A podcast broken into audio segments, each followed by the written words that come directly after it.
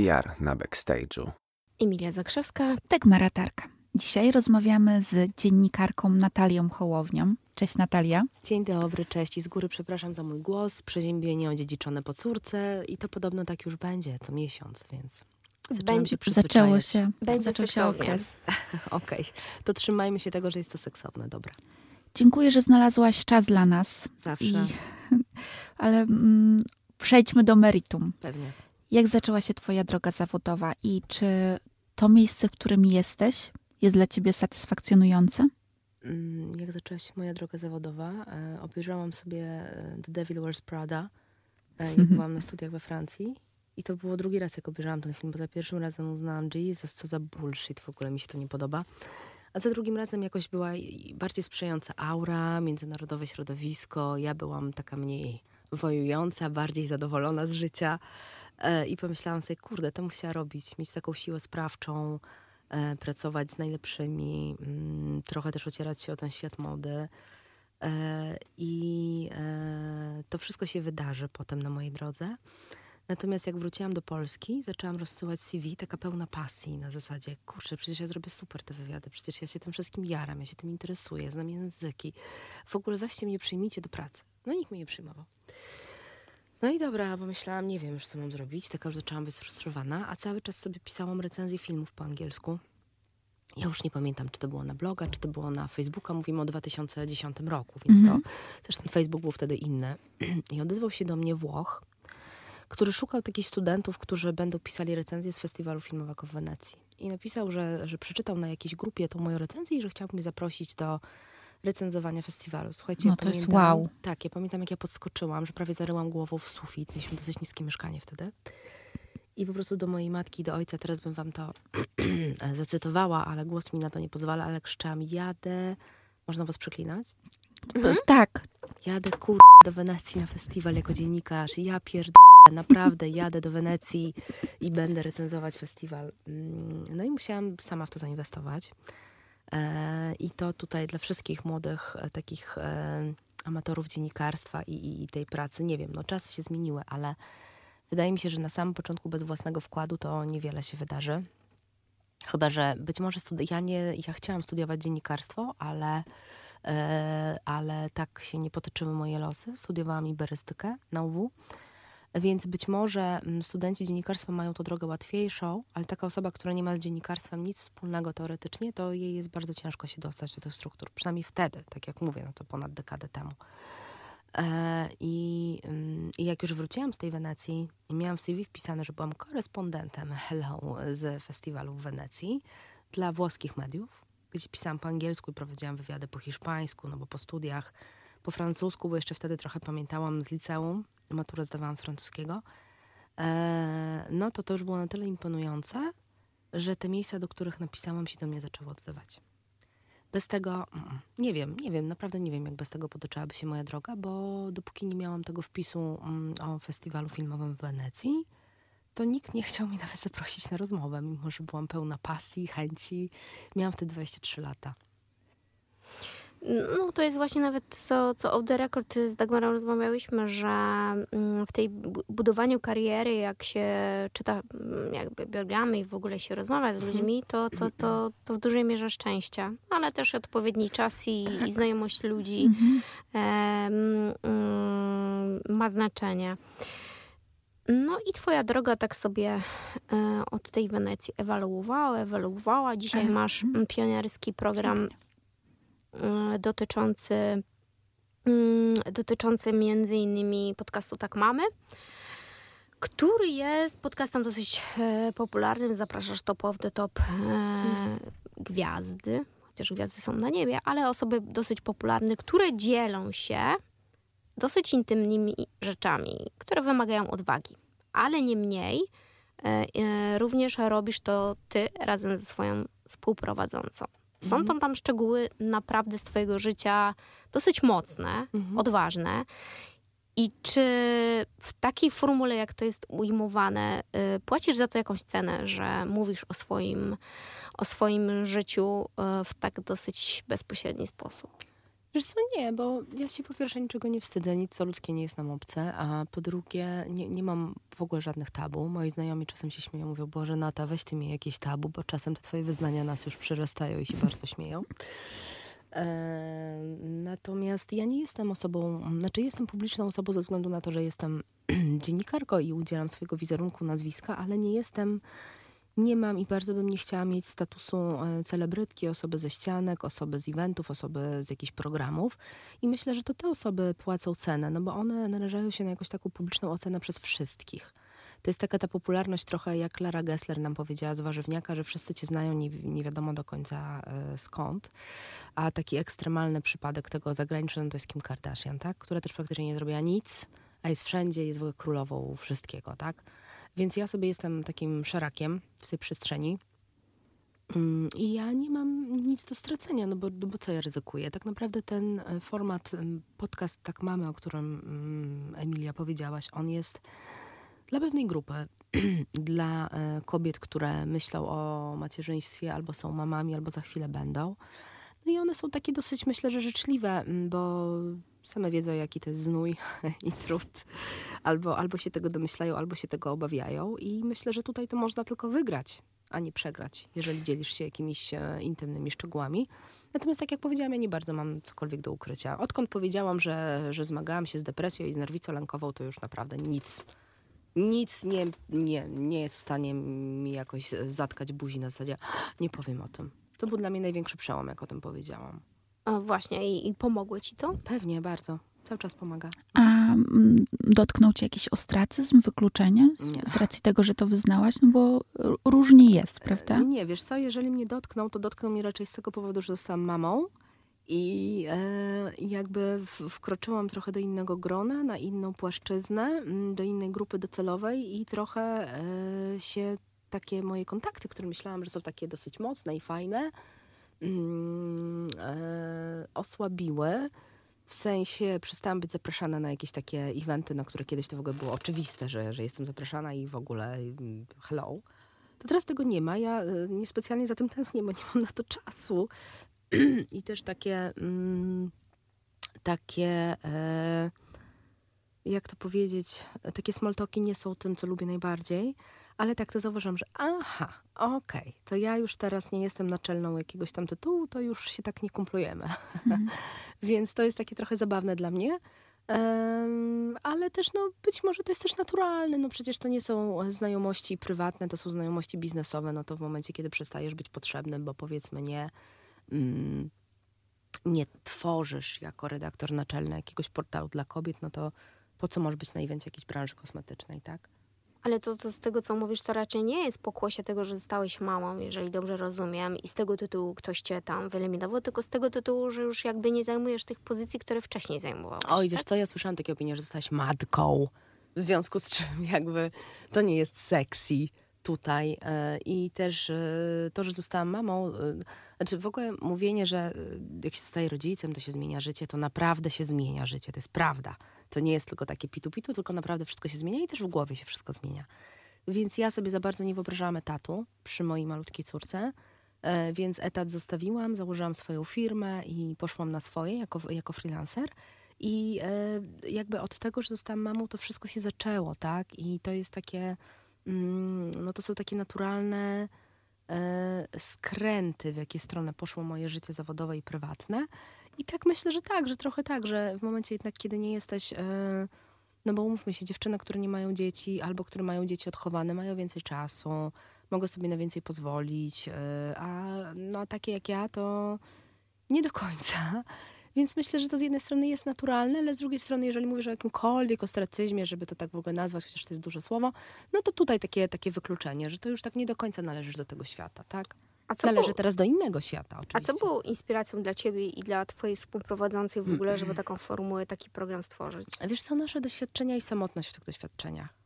Samotność w tych doświadczeniach, zwłaszcza samotność też w pandemii, kiedy ciężko było zaczynać macierzyństwo, tak jak w moim wypadku, a w Martyny kontynuować, kiedy ona została mamą po raz drugi.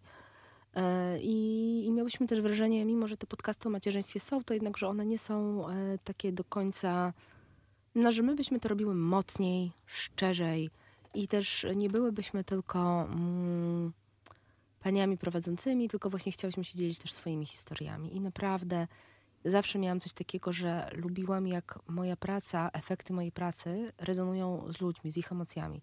Przysięgam, to jest dla mnie najważniejsze. I jak ja dostaję wiadomości od kobiet, że im ten podcast bardzo pomógł, albo że poczuły się takie przytulone, zaopiekowane, no to to jest, słuchajcie, no to to jest wartość, naprawdę. To to jest dla mnie cenniejsze niż pieniądze, naprawdę. Znaczy ja to potwierdzam, bo ja jestem też e, ogromną fanką e, Bardzo waszego formatu, mimo że nie mam dzieci, ale to rozbudowuje niezwykle świadomość tego, na co człowiek się Mhm. decyduje. I rzeczywiście na tej podstawie, co mówicie, na podstawie też odwagi e, osób, które przychodzą z pierwszych stron gazet i chcą się dzielić swoimi informacjami, naprawdę widać, jaka to jest wartość. I to przetrwa zdecydowanie. Dziękuję. i jedynie co tak chyba smutne jest to, że wasz format obnaża to, jak wiele tematów tabu mamy cały czas w Polsce.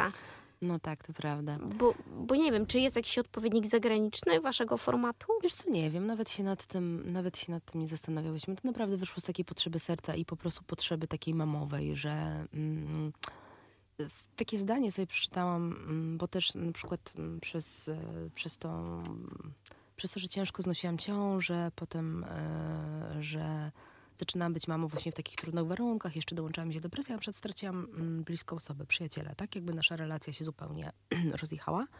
I ja naprawdę się czułam samotna w tym. I, i, I przeczytałam takie zdanie, że gdy zostajesz rodzicem, twoje życie się zmienia i tracisz pewnych znajomych. I to jest naturalne, no bo oni nie są w stanie zrozumieć twojego doświadczenia, dzielić go z tobą. No to bardzo dużo od nich wymaga, żeby w to wejść. Na przykład dla osoby, która jest w ogóle singlem, tak? W ogóle nie ma rodziny i w ogóle o tym nie myśli, ale zyskujesz nowych. I ja mam wrażenie, że wszystkie te osoby, które nas słuchają, to są takie moje nowe znajome. I, I to jest super. Jakby to na pewno e, nam osładza mm, te trudy macierzyństwa, bo macierzyństwo jest w ogóle bardzo fajne i, i bardzo wszystkim polecam, ale tak jak powiedział mój mąż, to jest chyba jedyna rzecz na świecie, która może być bardzo ciężka i bardzo wspaniała jednocześnie. I to naprawdę tak jest. No, nawet niektórzy psycholodzy mówią o czymś takim, że trzeba przejść też swoją żałobę w momencie, kiedy Mhm. się staje rodzicem, Tak, z racji pewno. tego, że trzeba pożegnać swoje Mhm. życie, które tamto już nigdy nie będzie takie, jakie I ja było. mam wrażenie, że przychodziłam tak, jak byłam w ciąży, bo ja się źle czułam bardzo i, yy, i tak dociągnęłam do szóstego miesiąca.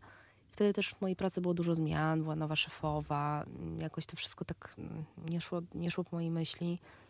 Mhm, I też tak się czułam trochę wykluczana z tego względu, że już jestem w ciąży, więc już z tobą nie będziemy tego załatwiać. Już tam mm, na przykład e, to było, to było bardzo takie dla mnie, to bardzo mi weszło na głowę. Była nowa szefowa i były spotkania z każdym reprezentantem serwisu. Tych serwisów było dużo u nas w redakcji. Ze mną takiego spotkania nie było. Więc ja potem chciałam udowodnić, jaka to jestem super, jaka jestem sprawcza, ile ja jeszcze mogę, że w ogóle tam ta ciąża, to to nieważne, ja zobacz, jaka ja jestem super. I to było dla mnie takie trochę upokarzające już potem, jak z tego odeszłam, że w ogóle co ty chciałaś udowodnić, że to ta osoba niech się wstydzi, tak? Że, że tak się zachowywała. I mm, jak byłam w ciąży, potem urodziłam, potem była pandemia, no to sobie przedłużyłam ten urlop macierzyński z półrocznego na roczny. W zasadzie po roku już, już wiedziałam, że ja już nie chcę tam wracać, a tam też wszystko się zaczęło e, rozpadać. Te struktury, bardzo dużo zmian, więc tak naprawdę e, podjęłam tę decyzję tuż przed tym, kiedy i tak bym podjęła tę decyzję, no bo e, w tych nowych strukturach też już nie, nie do końca chciałam uczestniczyć. Ja myślę, że w życiu zmiany są potrzebne, bo, bo każdy potrzebuje takich przełomów. Ale wróćmy jeszcze mm, do tego, że ty właśnie prowadzisz takie bardzo szczere, otwarte rozmowy. W Gali też miałaś e, swoje pasmo, gdzie zapraszałaś największe gwiazdy w Polsce. Doda, e, Marcin Gortat, Julia Wieniawa, Maryla Rodowicz, Weronika Rossatti. Tam naprawdę padały bardzo trudne pytania. Która z tych rozmów najbardziej zapadła ci w pamięci? Zrobiła na, na tobie największe wrażenie?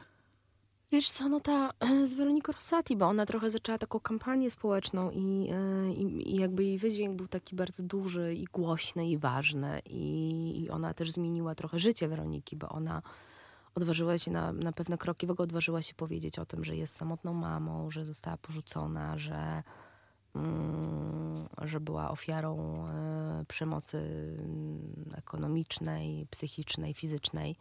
E, I to poszło bardzo. I ta rozmowa mm, miała chyba ponad dwie bańki e, na YouTubie wyświetleń. My się z Weroniką znamy. mm, Znaczy, oczywiście poznałyśmy się, jak ja wkraczałam do show biznesu. Ona wtedy grała. Był taki serial kiedyś, taki skrajnie durny na TVN-ie Majka o dziewczynie, która poszła na cytologię i została zapłodniona. Oglądałam. Tak, no to taki serial był. No to to są te czasy, kiedy ja zaczynam, tak? To jest 2010-11. I ja tam wtedy poznałam Po. Weronikę. Tak, ja tam wtedy poznałam Weronikę i nam jakoś tak od razu kliknęło. Pamiętam, że myśmy razem wracały taksówką już w ogóle, po prostu już wiedziałam, że to mi jest bliska osoba, bo my po prostu dzieliłyśmy pasję film, tak? I myśmy gadały sobie o e, autobiografii Romana Polańskiego, Brigitte Bardot, no po prostu naprawdę tylko i wyłącznie o tym gadałyśmy, a pasja zawsze łączy ludzi.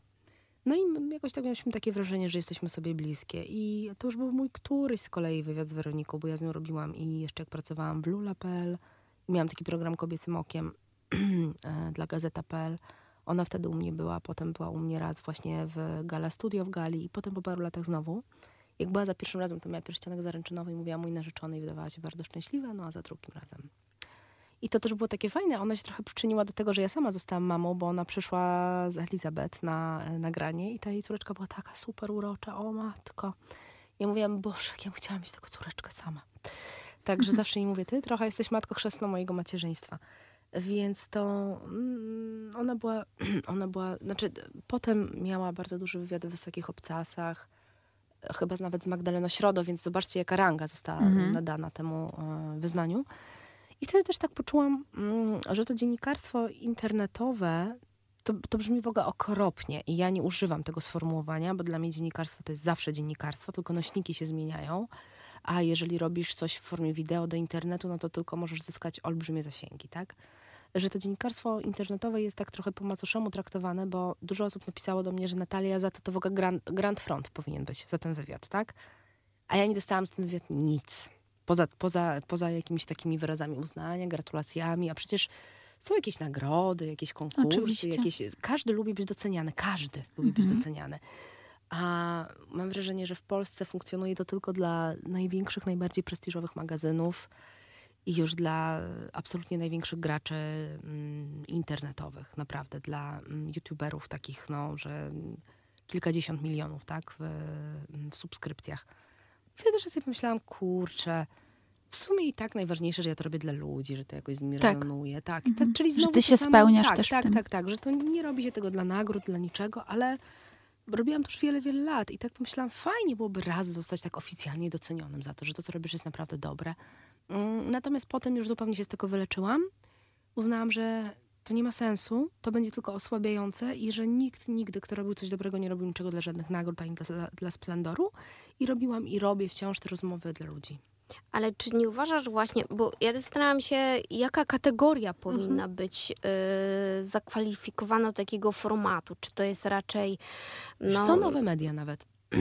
A w nowych mediach, a nie myślisz, że to ujmowałoby temu, jeżeli to wzi- wzięlibyśmy tak generalnie nowe, nowe media, czy nowe media, bo tych gatunków, Mhm, podgatunków, mhm. czy może zaklasyfikować to jako, nie wiem, wywiad pogłębiony, czy jakby da, dałabym temu A- większą wartość. A ja bo- nawet na to nie liczę, to wiesz, to, to ja już zobacz, ja już obniżyłam oczekiwania to minimum po prostu. Dokładnie, tak bardzo, Tak, wiesz, tak, do tak, jednego tak. worka. Mhm. Dlaczego tak myślę? Bo tak mi się wydaje oczywiście, e, że ten format wymaga nie tylko warsztatu dziennikarskiego, Mhm.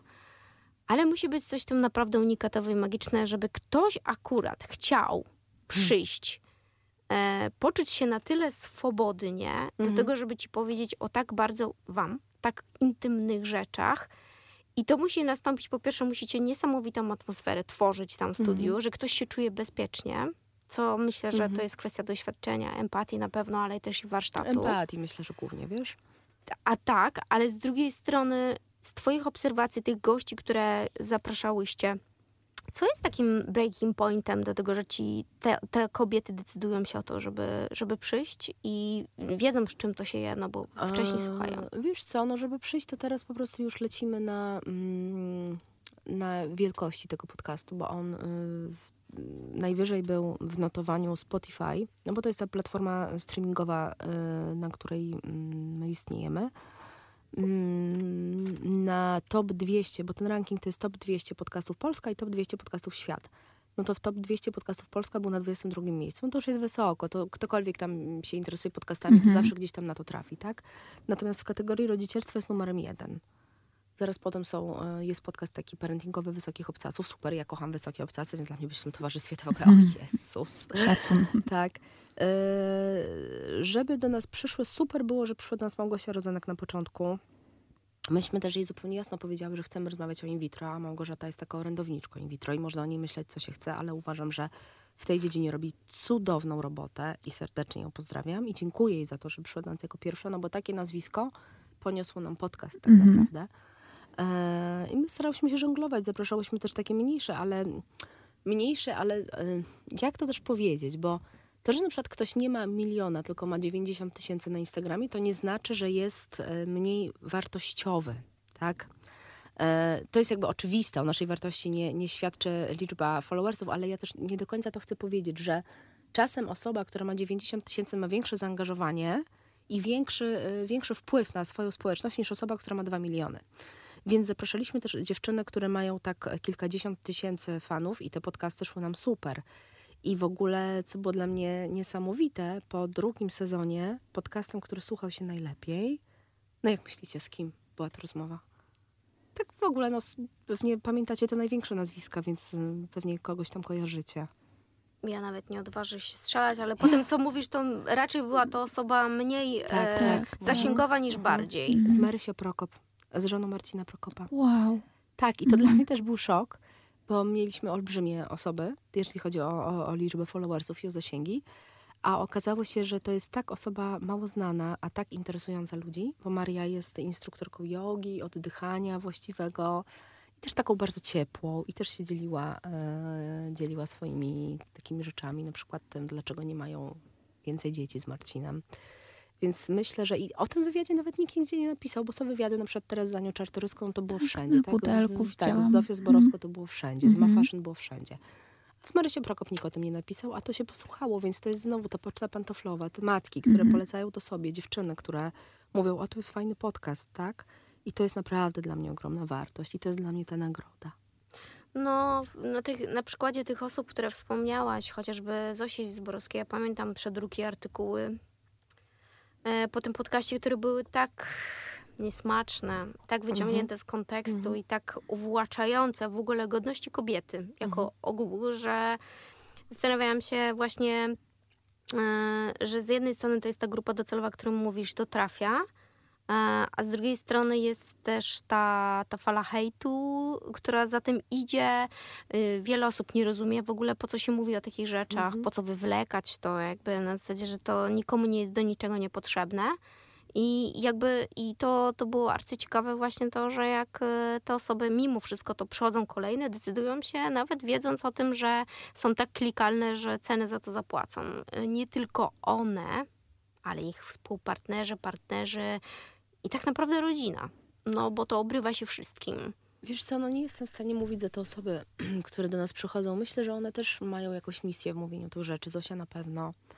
E, I, I myślę, że mm, staramy się przynajmniej zapraszać osoby, które są autentyczne i jakoś tak postępują w zgodzie ze sobą. I naprawdę nic, co ludzkie nie jest nam obce. Ja nie wiem, czego tutaj się wstydzić. Teraz to, do, jeśli tak mówicie, to wywiad, który wyjdzie za tydzień, to już w ogóle rozłoży wszystkich na A łopatki. z kim? To na razie nie mogę jeszcze Okej. nic powiedzieć, ale to... Czyli czekamy. Tak, to będzie, dużo będzie takich, takich wyznań. E, Ja z kolei uważam, że to jest bardzo potrzebne, bo połóg jest e, ekstremalnym doznaniem dla kobiety i dla ciała kobiety. Ja, e, jak urodziłam dziecko, nie miałam pojęcia, że w ogóle jest coś takiego. I jak koleżanka mi powiedziała, masz te podkłady? Jakie podkłady? No wiesz, te podkłady na krwawienie, ale jakie krwawienie? No po ciąży. Ja w ogóle, what? W ogóle, what the F? Tak? Jakby w ogóle... Ja, ja teraz też mam, te, też jeszcze nie mam dzieci i Aha. jak słusz, słucham Ale tego. to jest wszystko do przeżycia, tylko dobrze o tym wiedzieć. Mhm. I dobrze wiedzieć, jak różnie kobiety do tego podchodzą, więc ja, y, ja chcę wierzyć, chcę wierzyć, że nasz podcast ma taką e, misyjną funkcję.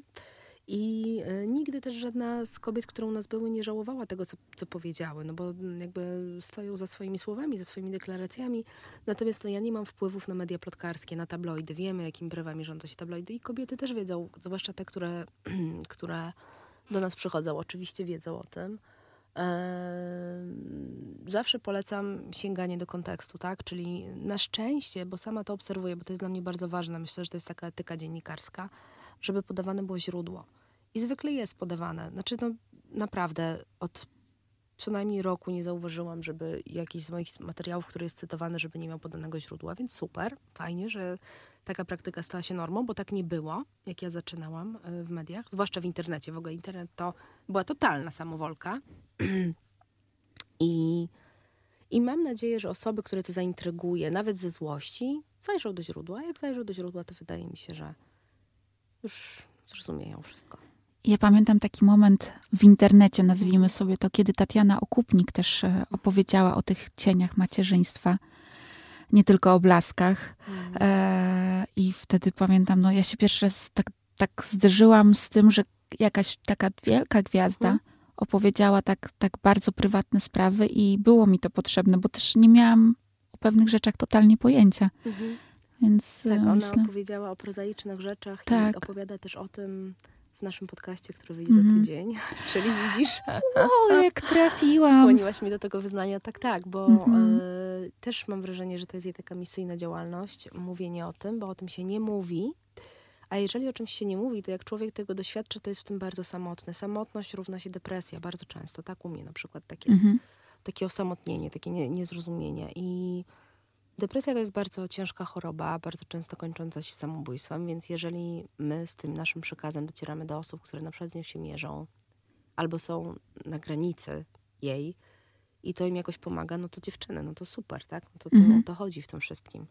Naprawdę zawsze chciałam robić coś, co będzie miało sens, tak? Jakby, nie wiem, no nie umiałabym być chyba urzędnikiem, bo e, no, myślę, że każda taka praca, nawet, znaczy zwłaszcza lekarza, tak? Czy, czy psychologa, czy, czy psychiatra, no to są niesamowicie ważne funkcje i jeżeli my tutaj odrobinę chociaż wpisujemy się, powiedzmy, w psychologa, no to super. To ja naprawdę o niczym więcej nie mogłabym marzyć. To, co jest fantastyczne w waszym programie, ja będę się nim cały czas zachwycać, e, e, to jest, mm, mi się wydaje, że clue i przewagą nad profesjonalistami, ekspertami mówicie po prostu tak zwyczajnie, tak Mhm. e, esencjonalnie i konkretnie. Mhm. Ale oprócz tego, że mówicie o problemach, mówicie o tym i pytacie, jak te osoby sobie z tym mm, radziły, tak? W sensie, jakich narzędzi użyły. I depresja, no to wiadomo, że to jest bardzo skomplikowana e, choroba i tutaj na pewno trzeba się supportować specjalistą, jeśli już, e, ale, ale myślę, mi, się, mi się wydaje, że samo takich prostych jakby, z takich codziennych rzeczach jest to istotne, że mówi się, okej, dobra, to możesz zrobić to tak i tak. I właśnie, a propos show biznesu, no bo generalnie mówi się o tym, że to jest e, wszystko na pokaz, e, że są, to świat jest zakłamany generalnie, ale jak widzimy, znajdują się osoby w tym show biznesie, które mają misyjność, które mają odwagę i k- z których korzystacie. A moje pytanie jest właśnie, czy tych osób jest dużo? Wiesz co, no myślę, że tak. Myślę, że no, tak jak wspomniałam, to co robi Małgorzata Rozenek jest super. Myślę, że to co robi Joanna Przytakiewicz jest bardzo potrzebne. E, To co zrobiła Weronika Rosati, cały ten ruch jak najbardziej. Kinga Rusin ma czasem dobre spostrzeżenia, chociaż ogólnie... no ja nie jestem osobiście fanką, ale e, bo czasem wali za mocno, ale niektóre rzeczy, które wrzucą na Instagram też mam wrażenie, że są potrzebne i robią taki potrzebny młyn.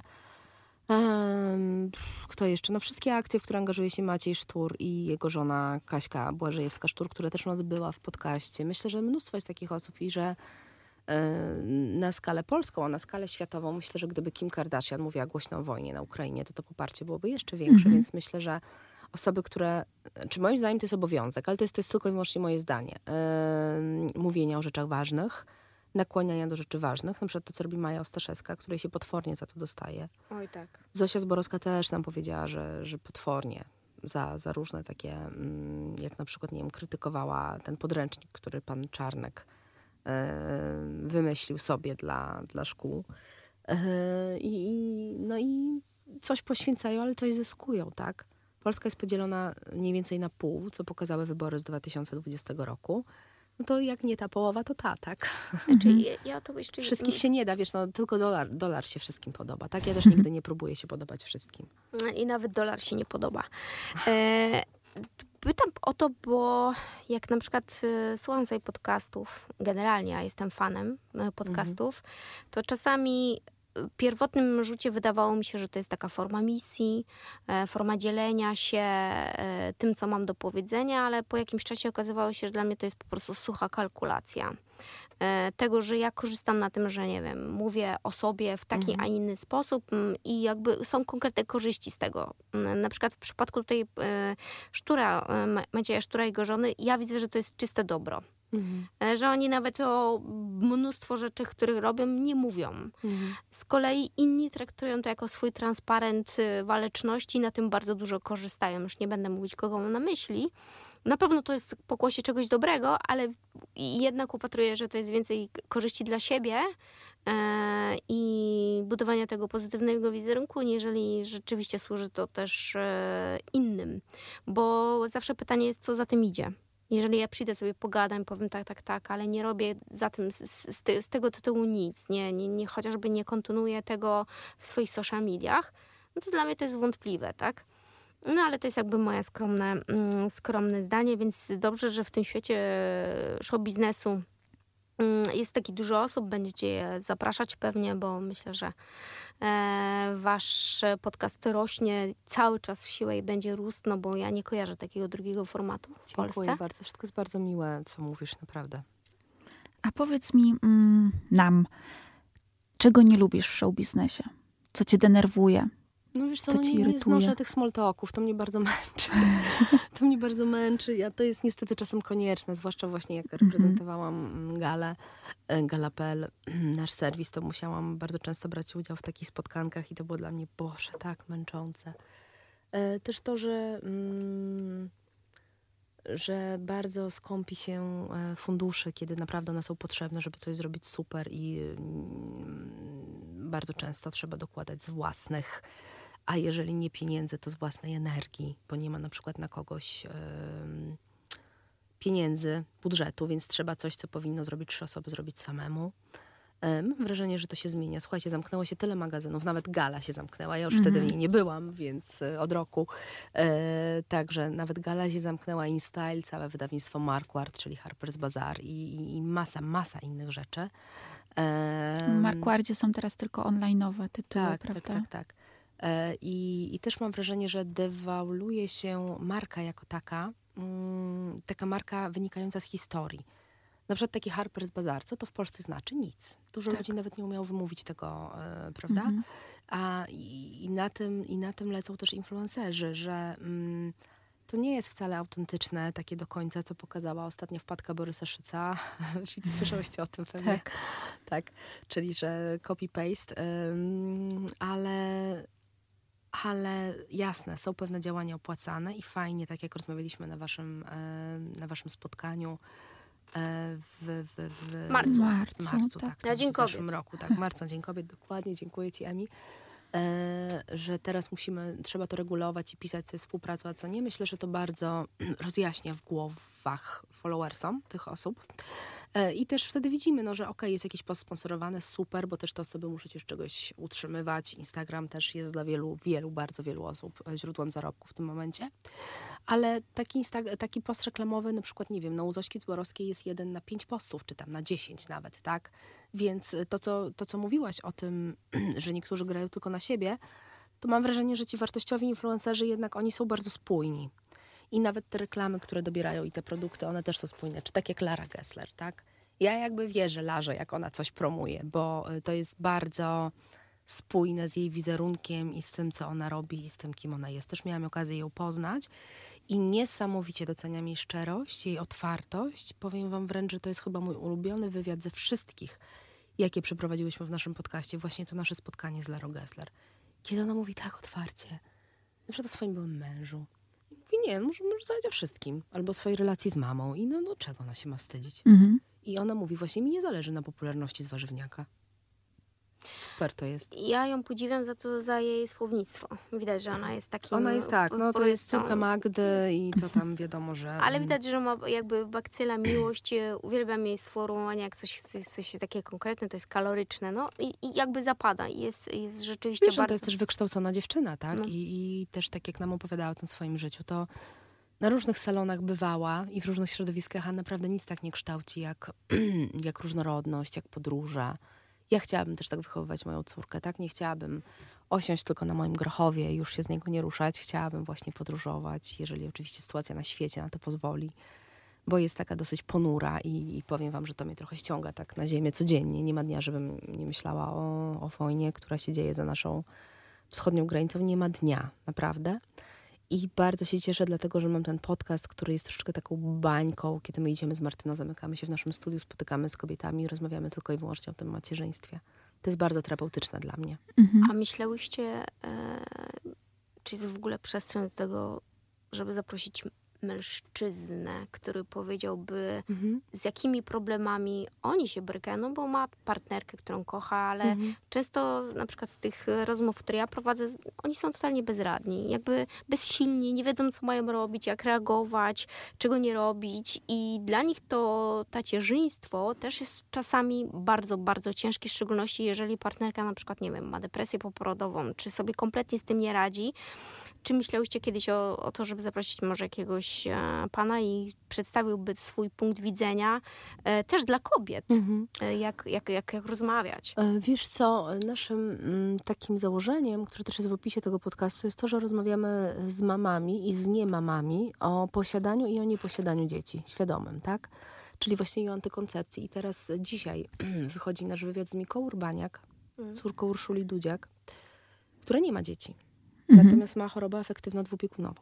I e, dla mnie osoby, która sama się zmaga z różnymi zaburzeniami, no oczywiście nie tego kalibru co Mika, e, dla mnie to było bardzo ważne w momencie, kiedy ja zaczęłam planować rodzinę, czy ja mogę mieć dzieci przy moich tam skłonnościach do depresji, do nerwicy lękowej i jak usłyszałam od lekarza, że tak, absolutnie, w ogóle pięcioro, najlepiej już. To było takie cudowne, takie kojące. E, I dlatego mm, do czego zmierzam? Chcemy pokazywać różne perspektywy na macierzyństwo, bo też na macierzyństwie się znamy i to są nasze wspólne doświadczenia. No jakby mężczyzna, ja widzę po moim mężu, to jest zupełnie inny świat i to są zupełnie inne doświadczenia, a na ten moment, ja nie mówię, że nigdy, ale na ten moment chodzi nam o to wspólnotę tych doświadczeń Mm. różnych, tak? Bo przecież my też tymi matkami nie jesteśmy od zawsze. Ja przeżyłam 34 lata, nie będąc mamą, ale z czego co najmniej 15 w takiej olbrzymiej opozycji, że never, ever, nigdy w ogóle nie chcę, w ogóle mi to nie kręci. Mówię, co? Pff. Mówię właśnie o tym y, w rozmowie z Miką. Także na razie mm, ograniczamy się do doświadczeń, których faktycznie możemy doświadczyć, również e, fizycznych. No bo jednak to, co przechodzi ciało kobiety jest e, hardkorowe. Mhm. Dla niektórych może piękne, dla mnie to nie jest piękne na przykład. Natomiast dla mnie piękne i to mnie bardzo zaskoczyło, było karmienie piersią mojej córki. I to było coś, za czym ja faktycznie musiałam odbyć żałobę. Jak to się kończyło? Karmiamy długo, bo karmiamy ją 22 miesiące. E, I to było coś, na te emocje zupełnie nie byłam przygotowana, bo myślałam, że będę tego nienawidzieć i robić to na zasadzie, no muszę to robię, a ja to naprawdę, to był dla mnie najbardziej kojący, wyciszający moment, te nasze noce wspólne, kiedy ja nie spałam, no bo wiadomo, no to się tak nie do końca da spać na jednym boku, to powiedzmy podsypiałam trochę, to teraz za tym tęsknię, bo bardzo się czułam wtedy bezpieczna i tak wiedziałam, że co by nie było, choćby skały srały, jak to mówi pani Dorota Wellman, którą Mhm. serdecznie pozdrawiam, to ja w nocy z moją córeczką się przytulimy i będziemy sobie leżały. Ja zadam jeszcze takie jedno pytanie, em, które mi przychodzi do głowy i które nie słyszałam jeszcze nigdy z ust kobiety, która by powiedziała szczerze, O Boże, że no. żałuje Czego? na przykład tego, że została mamą. Mhm. Mm, Jakby nigdy w eterze to nie, nie, nie jakby nie, nie zostało upublicznione, a ty, wiedząc o tym, Czy ja żałuję? Nie, nie przeszłaś- żałuję. no właśnie, bo w, z jednym z podcastów powiedziałaś o tym, że, że, że jakby rozważasz e, drugie dziecko z Mhm. partnerem, ale właśnie ta trauma, którą doświadczyłaś po porodzie, jakby jest tym, tym elementem takim, który, mm, który jest takim stopującym. Tak pomyślałam sobie, że to musi być bardzo głębokie Mhm. e, gdzieś w tobie. I ja znam osoby, kobiety, które e, które żałują, znaczy mogę wnioskować po ich zachowaniu, tak? Mhm. Porzucają w cudzysłowie dzieci, jak mają trzy miesiące, są nianie, babcie i tak dalej. To dziecko tak naprawdę nie ma emocjonalnej więzi z tą matką, czasami nawet ma bardziej z ojcem. E, I się zastanawiam po co, no ale jakby wprost nie mogą, nie mogą tego powiedzieć, bo jakby nie ma na to przyzwolenia, ale swoim zachowaniem absolutnie pokazują, że, że to nie była dobra droga. Mhm. E, że nie do końca wiedziały, z czym to się jest. Jest jeszcze kategoria druga kobiet, które po prostu no, odhaczają na liście, tak? Zrobiłam to, to, to, to, to. No dobra, no to, to jeszcze to mi tego brakuje, żebym na starość nie żałowała, tak? E, I dlatego stąd to, to, to moje pytanie. Mm, Co do tego, czy, czy, czy właśnie, czy to jest normalne, to, że kobiety czasami mogą pomyśleć, że kurczę, żałuję. Wiesz co, ja miałam depresję okołoporodową. To jest też coś takiego, o czym się mało mówi. Z Olo Hamkało poruszałyśmy ten e, temat, bo znamy takie pojęcie, istnieje w sferze publicznej depresja poporodowa, prawda? A jest też coś takiego jak depresja okołoporodowa, która Mhm. zaczyna się tak około 7-8 miesiąca. U mnie tak dokładnie było. To jeszcze było spotęgowane tym, że zaczęła się pandemia. E, I ja już w ogóle miałam, ja, ja i tak się czułam taka wykluczona, tak, tak jak powiedziałam właśnie w pracy, ze względu na to, że byłam w ciąży, to już miałam wrażenie, że nie jestem traktowana poważnie. Mm, To znaczy, że nie jestem traktowana jako partner, tak? No bo co ze mną można planować, jak ja za chwilę odchodzę na urlop macierzyński. Ja dałam temu serwisowi krew, pot i łzy, więc było to dla mnie takie bardzo przykre doświadczenie. No i potem ta pandemia, to zamknięcie, to wszystko się spotęgowało. I ja nie wiem, jakby było, gdyby nie to, że ja karmiłam piersią. To jest doświadczenie, którego nie można przecenić. E, I ja wiem, że kobiety mają do tego różny stosunek. i Ja to naprawdę akceptuję. Naprawdę. E, natomiast dla mnie, nie, mam wrażenie, że mnie to uratowało. Że to uratowało moje macierzyństwo. To mi dało niesamowitą więź z moją córką. Niesamowitą po prostu. I nawet moja mama tak mówi, bo ja, ja ogólnie mm, taka jestem dla siebie surowa. I tak oceniałam siebie, że Boże, jak ja to beznadziejnie, te pierwsze miesiące tego macierzyństwa. A moja mama mówi, Natalia, ty Zuzi nawet na sekundę nie zostawiłaś. Nawet na moment. Po prostu dopełniałaś wszystkich takich obowiązków macierzyńskich jeszcze z taką ogromną czułością, mimo że byłaś w strasznym stanie sama. I ja zaczęłam tak, tak, tak siebie tak wewnętrznie przytulać, że no faktycznie, że tak było. I że i tak jak powiedziałam, że to karmienie, nawet kiedy byłam taka zrozpaczona i taka bardzo samotna, to to karmienie mi dawało poczucie olbrzymiej bliskości i ta bliskość z nami, między nami po prostu się narodziła bardzo szybko, od, od pierwszej sekundy. Bo mimo, że ja, no to karmienie, Boże, dziewczyny, mi się to wydawało, że to jest takie straszne. Jakieś zezwierzęcenie, po prostu coś ogromnego, ble. A po prostu jak położona mi podała Zuzie i powiedziała karmimy, powiedziałam tak. Od razu, instynktownie, bo chciałam dać mojej córce wszystko, co najlepsze. I od tego momentu jakby w ogóle już nie było mowy, czy to żałuję, czy nie żałuję, czy to była dobra decyzja, czy nie. To jest jakby część mnie, to jest przedłużenie mnie. I ja sobie w ogóle nie zadaję takich pytań. Czy mi brakuje tego, że nie jeżdżę na jakieś pokazy? Pewnie mi tego trochę brakuje, bo takie życie, na przykład jak dziecko ma katar i nie możecie wyjść z domu, bo kaszle, no to jest nużące, prawda? Ale w perspektywie, no co te pokazy? No jakby, no tak naprawdę festiwal próżności, no tak czym są te ciuchy? Dlatego e, cieszę się teraz bardzo, że mam coś, co wydaje mi się, że ma wartość, czyli nasz podcast. Ja też sobie bardzo cenię to, co robię dla Wołga Polska, czyli że piszę takie duże artykuły o osobach, które bardzo często są jakimiś moimi inspiracjami, albo w których losy mogę się wgłębić. To jest fantastyczne, bo bazuję sobie na jakichś tekstach z Vanity Fair, z New York Timesa. Kocham to, kocham, po prostu nigdy nie miałam na to czasu, a teraz mogę sobie to czytać i robić olbrzymi research. No, ten freelancing polega też na tym, że ty jesteś panem i panią swojego czasu. Ja jestem fatalna w organizacji swojego czasu, ale jakby wszystko na koniec, a praca na pierwszym miejscu i Zuzia, a ja to w ogóle, wiecie, naprawdę dawno nie zmieniałam szafy, muszę się tym zająć trochę sobą. E, I em, no i bardzo lubię to, co robię teraz. Tak jak Daga pytałaś mnie na początku, tak, czy ja jestem w tym miejscu, w którym chciałabym być. Mm, Zawsze mamy jakieś tam swoje cele niezrealizowane, tak? Na przykład zawsze chciałam przeprowadzić wywiad z Angelino Jolie z Barackiem Obamą. No To i zdarzy- słuchaj, No to się wszystko raczej- przed To się tobą. raczej nie zdarzy. A jakie raczej? Może Ale- się zdarzy. Dobrze, trzymajmy kciuki w takim razie. E, będę sobie to wizualizować, jak kiedyś No. jeden dziennikarz, tak? E, robił to w sposób e, dosyć spektakularny. E, No Angelina była chwil, na chwilę w Warszawie, no się nie złapałaś. Angelina była... Mm, Przelotem. Tak, Angelina była w Ukrainie i była też w Oświęcimiu kiedyś. Mhm. No, incognito. E, Angelina jest fajna. Angelina jest taką moją inspiracją. Oczywiście na tyle, na tyle, ile jest to autentyczna kreacja. Tak, na szczęście, znaczy miałam możliwość spotkania kogoś, fotografki, y, Paoli Kudaki, wydaje mi się, że tak się czyta właściwie jej nazwisko, która z Angeliną pracowała i która robiła sesję Angeliny właśnie chyba do Mhm. New York Timesa i ona mi o niej opowiadała i to było cudowne. To było już takie Mhm. najbliższe podejście do Angeliny Jolie, jakie mogło się zdarzyć. Muśnięcie jej. Tak, To, tak. to, to jest ciekawe, bo a propos Angeliny Jolie, ja też ją zawsze podziwiałam, aczkolwiek... Ty jesteś mi do niej podobna. No, Boże, największy komplement. Prze, Tak. Przemilczę ten fakt.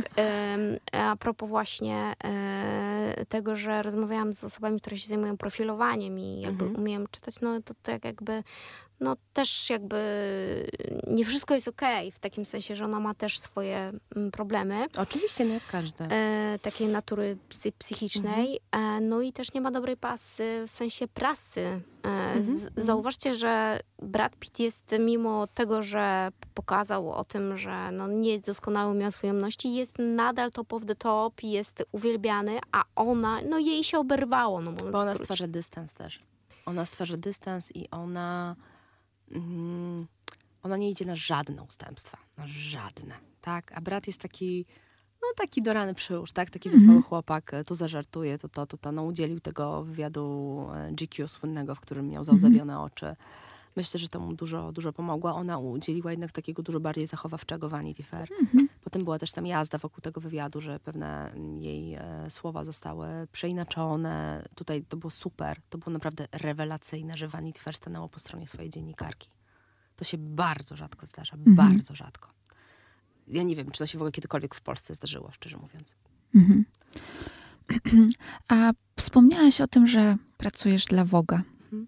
Ja się zastanawiam, jak się dostać do tak elitarnej redakcji. No wiesz co, no to było gdzieś zawsze moje marzenie, nie ukrywam. E, Ja współpracuję z Vogue'iem, jestem mm, e, contributing editor, tak? Mhm. E, Dostarczam swoje treści. Jak to się stało? No, no jakby my, jakby w tym środowisku dziennikarzy to to nie jest już to środowisko, to nie są te Kingi Rusin, Lisy, Olejniki, Mhm. tak? To jest w ogóle już, to się stworzyło inne, no, nowe Pokolenie. pokolenie, tak? Mhm. To są ludzie, którzy też pracowali w internecie, którzy wielokrotnie pracowali gdzieś razem. Bo myśmy rzeczywiście, nasze losy się przeplatały. E, miałam przyjemność e, pracować z Hanią Rydleską, która jest całą mm, dyrektor wydawniczą e, Wołga. Nie bezpośrednio, ale pracowałyśmy razem w strukturach Agory.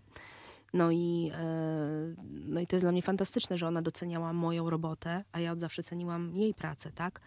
Więc jak e, odeszłam z gali, no to odezwałam się do Hani e, i powiedziałam, Hania, słuchaj, wiesz, ja ci mogę wysłać, dostarczyć co chcesz, całe moje jakieś portfolio i, i co tylko sobie życzysz, mogę przyjść i poopowiadać o sobie. A Hania właśnie zachowała się fantastycznie, bo powiedziała, Natalia, nie musisz, przecież się znam, twoje dokonania. I to było takie super. Mi po prostu, wiecie, tej osobie wychodzącej z depresji, która zostawia Mhm. pracę, właśnie to wsparcie od drugiej kobiety. I mm, oczywiście to też nie było takie proste, bo do Wołga pisze się trochę inaczej. Nie wiem, czy zauważyłyście, teksty są bardzo długie. Mm. One mają konkretną strukturę i wtedy miałam też przyjemność pracować z kolejną wspaniałą kobietą, wspaniałą e, profesjonalistką Aleksandrą Boćkowską, Mhm. autorką książek między innymi. To nie są Te o- moje o zrównoważonym- wielbłądy. Tak, tak, tak. o zrównoważonej modzie. Też. I Ola była moją redaktorką. I, e, I też powiedziała mi, że nigdy jeszcze nie współpracowała z dziennikarką, która tak szybko nauczyła się tak dużo. I e, jak odchodziła potem z Wołga, to powiedziała, że, e, że jest bardzo zadowolona z naszej współpracy i z tego, co razem dokonałyśmy. Jestem jej bardzo wdzięczna, bo ona rzeczywiście nauczyła mnie pisać trochę inaczej niż pisałam dotychczas. Mm, I fajnie też, że można się czegoś nauczyć po 36 roku życia. To jest wspaniałe.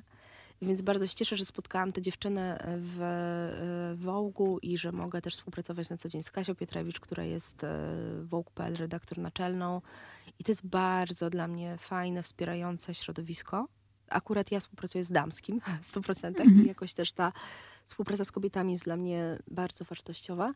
No i nie ukrywam, że to jest fajne, no bo jak zawsze sobie myślałam o marce, dla której chciałam pracować, no to wiadomo, że Vogue. Tylko to mi się w ogóle nie wydawało osiągalne. A jak potem się pojawił Vogue.pl, ja nie pamiętam, czy to był 2016 czy 2017, to ja bardzo mocno byłam już w strukturach tam Gala, wcześniej Lula. Nie brałam pod uwagę zmiany pracy, więc no to było, to było cudowne. I tak jak sobie spędziłam zeszłe lato, że jeździłam sobie do kawiarni e, i sobie pisałam o Marilyn Monroe, o Brigitte Bardot, no to dziewczyny, myślałam sobie, po prostu z i w ogóle nie wiem, no cudownie. A ja mam jeszcze, będę drążyć tego Mhm. woga, e, bo na przykład e, powiedz mi, jak można, mam, jestem PR-owcem na przykład, Mhm. no bo jestem, ale słuchają też nas osoby, które chcą pracować w tej branży, studenci i jeżeli oni chcieliby ze swoim artykułem, czy z marką, dla której pracują, zainteresować właśnie dziennikarza Woga tematem, to co mają zrobić? Mają pisać maile, mają pisać na Instagramie? Jak się dostać? Ja- Jaki jest... Wiesz co, jak- pisanie na Mhm. Instagramie wydaje mi się, że jest takie przeznaczone dla osób, które gdzieś tam się znają prywatnie. Mhm. Bo to jest jednak taki kanał bardzo mm, nieoficjalny, prawda? Mhm. Natomiast wszyscy mm, teraz, tak jak, tak jak mówiłam wcześniej, że podawane są cały czas źródła, kto skąd czerpie, to tak samo na ogół podawane są maile redakcyjne. Mhm. I wydaje mi się, że można próbować w ten sposób. To nie jest proste. Ja też, no przecież ja musiałam wyjechać do Wenecji za swoje, Mhm. zrobić tam relacje z festiwalu, żeby w ogóle ktoś chciał ze mną rozmawiać. Także to nie jest prosta droga. Tak jak któraś z was powiedziała, że trochę to też y, potrzeba szczęścia. Wydaje mi się, że tak. Ale też bardzo dużo determinacji. Mhm. I a teraz obserwuję karierę ym, osoby, która jest mi bliska, która zaczynała gdzieś pod moimi skrzydłami i która teraz jest po prostu szychą, jeśli chodzi o, o PR, marketing, dziennikarstwo. I jest mi bardzo miło, że ja ją niejako wpuściłam do branży, po prostu ufając jej. I też na początku, no y, jakby tego nie ukrywam, po prostu za darmo zrobiła wywiad, bo, bo sama powiedziała, że bardzo chce i że pokryje wszelkie koszty. Ja ten wywiad opublikowałam i dalej to już poszło. To też trwało lata, ale jest teraz w tym miejscu, gdzie absolutnie chciała być. I e, myślę właśnie, że ta determina- determinacja, gotowość do poświęceń i pasja. Ja tego nie ukrywam. Ja, dla mnie popkultura jest pasją. E, i, I uważam też, że mm, takie troszeczkę obniżanie jej rangi jest też nie do końca właściwe, bo można być specjalistą od wszystkiego. Nie wiem, no można być specjalistą od kabli, a nie można być specjalistą od, od celebrytów. Można. I specjalista w każdej dziedzinie jest cenny. E, I popkultura jest bardzo rozległa, no ma ikony właśnie typu Marilyn Monroe, e, nie wiem, Greta Garbo, e, Grace Kelly, Frank Sinatra i fajnie jest mieć wiedzę o nich. I to też, e, to też rozwijać i jakby pokazywać, prezentować, że ma się taką wiedzę, pomagają podcasty. Jest bardzo dużo podcastów o filmach, o mm, na przykład Spoiler Master Michała Olszczyka, to jest w ogóle rewelacja. E, Jest, mm, jest dużo e, podcastów właśnie o ikonach popkultury. Także myślę, że pasja jest ważna. No jeżeli coś wynika z pasji, też mi to kiedyś powiedziała mama, że jak ktoś ma pasję, to zawsze osiągnie to, czego chce. Może to jest naiwne, ale u mnie to zadziałało. Mamy WOG, mamy tak mamy. O, mamy tak mamy. No tak, mamy, no. Co dalej? Co planujesz? O czym marzysz? Bardzo chciałabym wybić mole w mojej garderobie, bo mam po prostu O Boże. ścięty na wiór sweter dziewczyny. Jestem załamana. To jest mój ulubiony sweter, mam go na sobie i jest po prostu ścięty, więc jak ktoś wam napisze, jak się pozbyć moli, to, e, to mi to przekażcie. Tak, to są moje marzenia dnia codziennego. Mm, Wiesz co, ja już od, od pandemii nie robię takich planów. Wiesz, ja miałam bardzo dużo planów. E, I, I staram się, e, uczę się też tego w terapii, w której jestem od roku, e, doceniać taką codzienność. To nie jest dla mnie łatwe, bo ja naprawdę bywałam za granicą 5-6 razy w roku.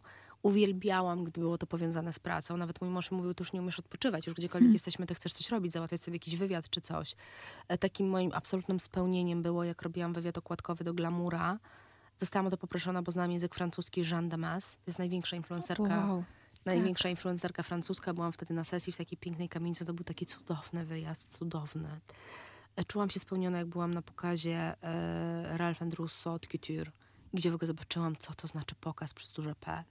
E, mm, I em, jakby Paryż. Paryż to jest dla mnie to takie miejsce, gdzie byłam najbardziej spełniona zawodowo. Kiedy mogłam brać udział w Fashion Weekach. E, Byłam też bardzo spełniona, gdy byłam w Cannes na premierze, potem na kolacji ze Sienną Miller, z Sofią Coppolą. No to, to w ogóle jakby... Tylko to po pierwsze trochę uzależnia potem i potem ciężko jest się cieszyć taką zwykłą codziennością, no bo jak to, prawda? I to jest, to jest trochę niebezpieczne. E, A po drugie cały czas się chce więcej, więcej, więcej i tylko no, no co, co może to przebić w pewnym momencie, tak? Mm, więc staram się naprawdę mieć takie plany typu wybić mole w szafie, które też mnie ściągają trochę na ziemię, mm, głową. E, chciałabym coś wydać. Na pewno jeszcze wydałam dwie książki i tutaj nie powiedziałam jeszcze ostatniego słowa. Jedną wydałam, jak byłam dużo młodsza i też do dużo młodszych odbiorczyń. To było jak być Paryżanką w Polsce. Drugą wydałam, że takich kobiet, które interesują się modą, stylem i, i szukają inspiracji. To była modna Polka. E, teraz gdzieś te tematy właśnie macierzyństwa są mi bardzo bliskie, ale też ciągle popkultura. Więc myślę może jak to połączyć, a może też właśnie co tutaj zrobić indywidualnie jakoś w, w tej kwestii jako ja, może jako moje doświadczenia.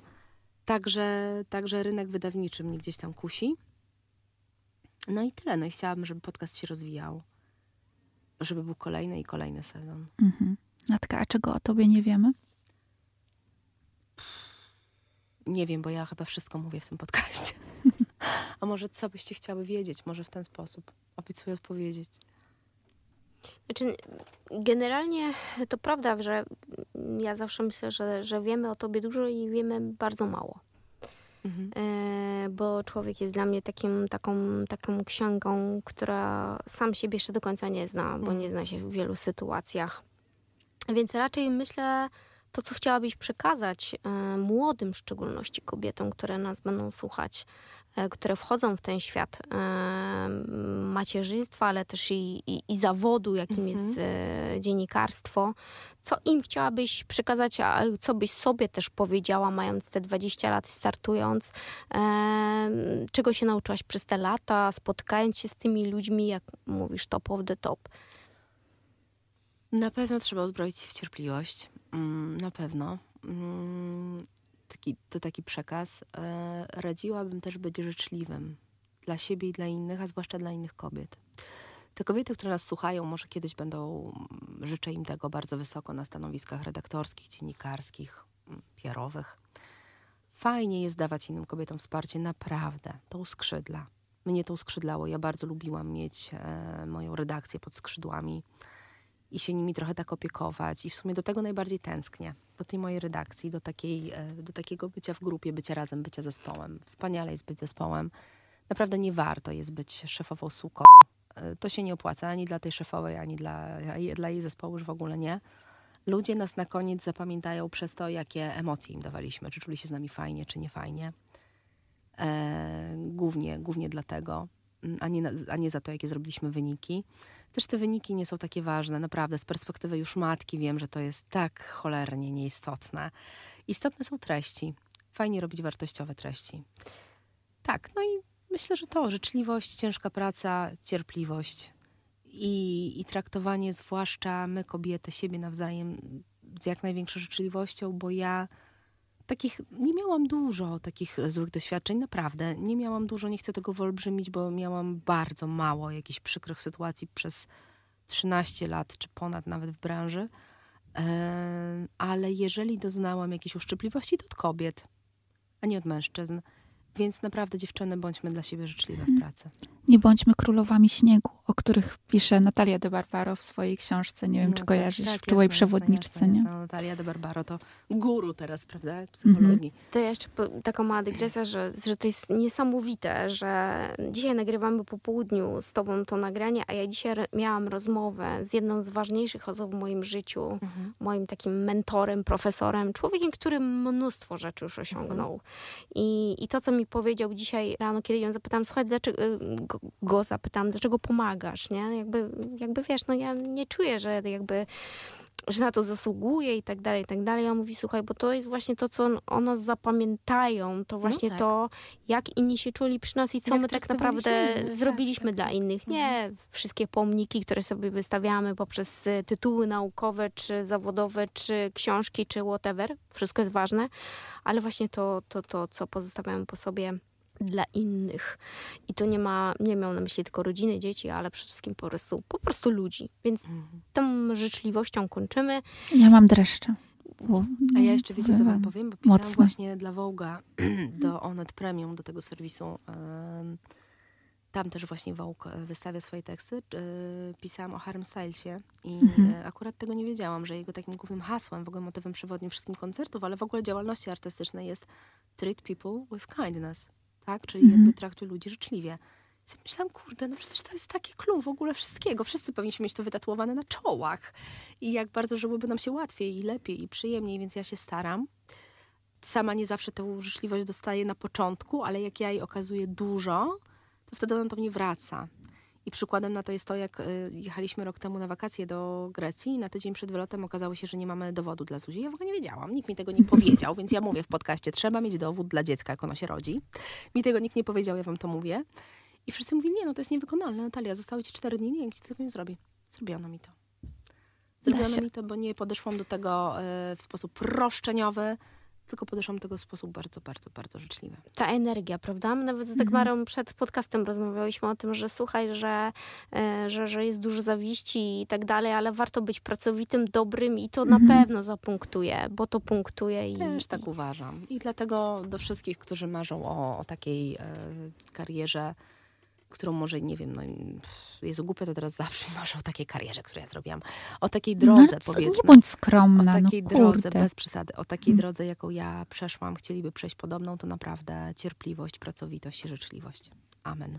amen. Dziękujemy. Dziękujemy Ja za, dziękuję. za dziś. No i generalnie bądźmy Dziękujemy. życzliwi. Tak.